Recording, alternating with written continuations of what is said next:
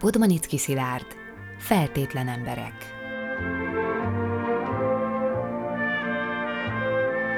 Paprikás tarhonya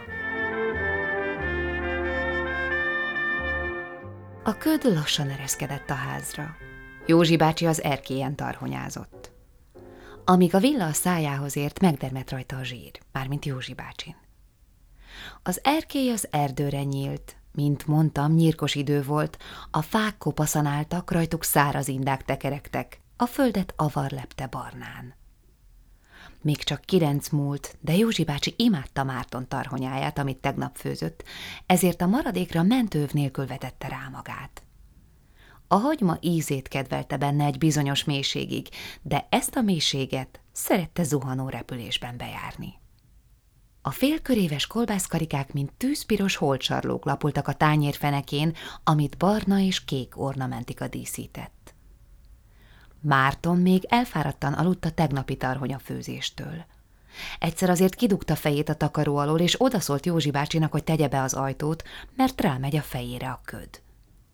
Józsi bácsi fogta az ajtót, és betette a szobába. Igaz, a sarokvasak halálhörgése Mártont még jobban fölébresztette, mint maga a begomolygó hideg pára. De Márton nem a szavak embere volt, ezért inkább aludt tovább, ahogy bírt.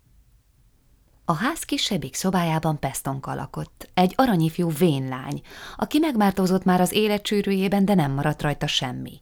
Jól lecsapatta magát minden oldalról. Az volt a szavajárása, hogy fogtok ti még egeret kergetni dióhéjjal. Erre Józsi bácsi rögvest azt válaszolta, hogy neked meg elment az eszed, és ez most már hosszú távú. A kisház nem csatlakozott semmilyen faluhoz. Ott állt az erdő szélén, és mindhárman boldogan éltek, amíg meg nem haltak. Legalábbis azt hitték. Csak hogy ez a tél nagyon hosszúnak ígérkezett, és elfogyott már a sör is, meg a szotyola is, nem volt minosztozni.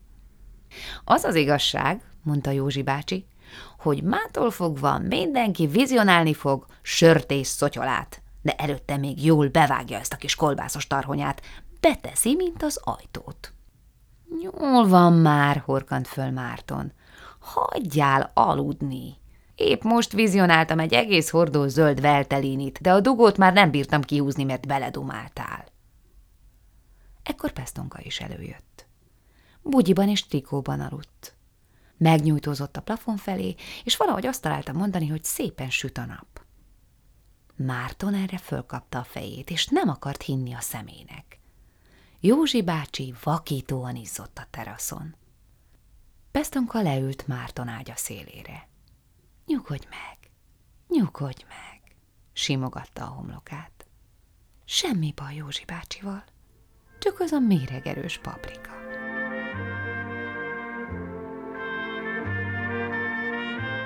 A vajkrém Pestonka létrát és mirglit vitt az erkére. Előtte az üres virágálványt és krumplizsákot bepakolta a nappaliba, majd hozzálátott az erkély falának előkészítéséhez.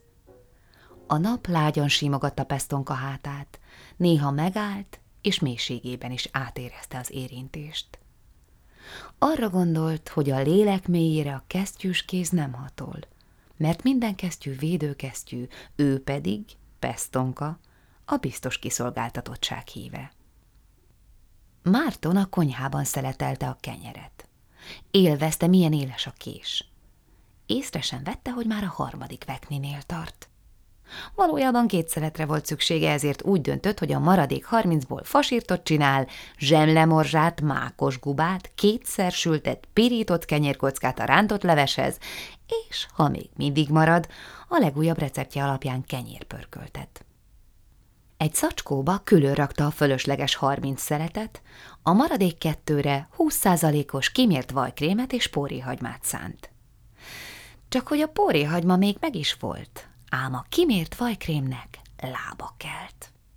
Kereste a mélyhűtőben, megnézte a zsebeit, kiforgatta a cipős dobozokat, de nagy bánatára sehol nem találta. Ám ekkor felemelte mutatóujját, és úgy döntött, ideje lesz megkérdezni a többiektől.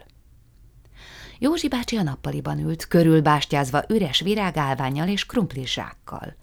Az ölében nagy szivacs pihent, azon egy kosár, a kosárban pedig megszámlálhatatlan mennyiségű körte.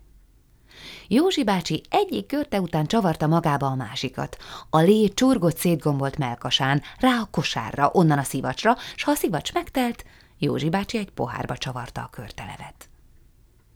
Márton erősen kételkedett benne, hogy Józsi bácsi tudja, hová lett a kimért vajkrém a hűtőből, ezért meg se kérdezte, hanem csak úgy odalökte. Nem láttalak még ilyen szertartásosan enni. Meghiszem azt, mondta Józsi bácsi. Tudod, mi ez? És válasz sem várt. Ez a téli esperes. Márton is megkívánta egy pillanatra, mert már alapjáraton is éhes volt, de gondolta nem csapja el a hasát ezzel az édes körtével. A póri hagymás vajkrémes kenyérre vágyott. Ekkor célba vette Pestonkát, aki már túl volt az erkély falának smirglizésén, sőt, már glettelte a kisebb lyukakat.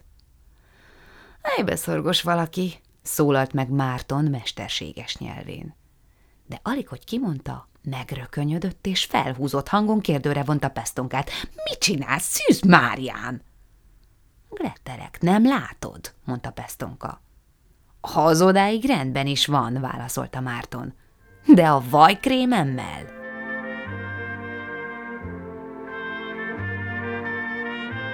Az ókor Márton tudományos filmet nézett a tévében. Ajka kisé megduzzadt, a szemei mozdulatlanul álltak, a száját percenként újra becsukta.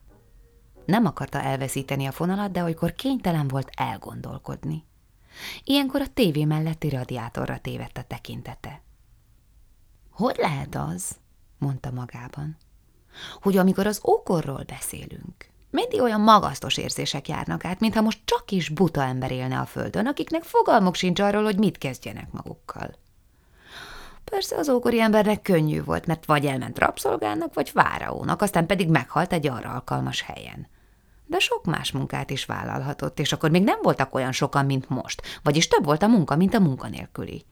De szép is volt. Hát ez az egész biztosan nem igaz. Pestonka Márton mellett ült az ágyon, kötögetett egy sima, két fordított, vagy ilyesmi.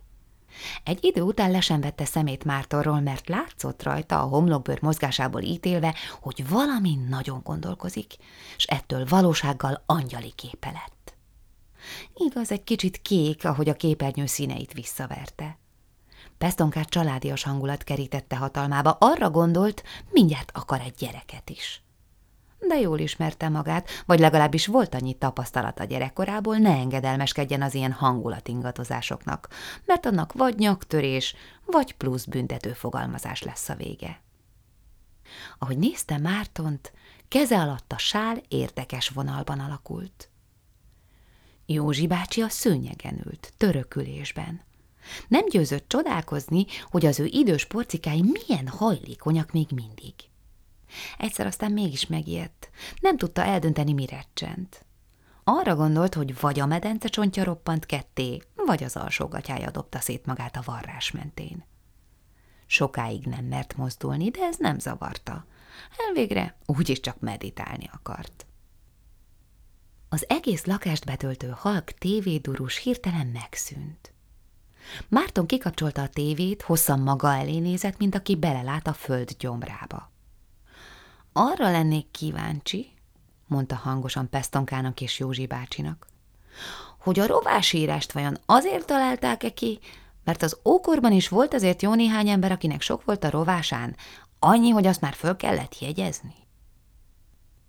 Pestonka ölébe fektette a kötést, Márton vállára hajtotta a fejét, majd válaszért Józsi bácsira nézett, de ő már nem figyelt a lyukat kereste a nadrágja fenekén.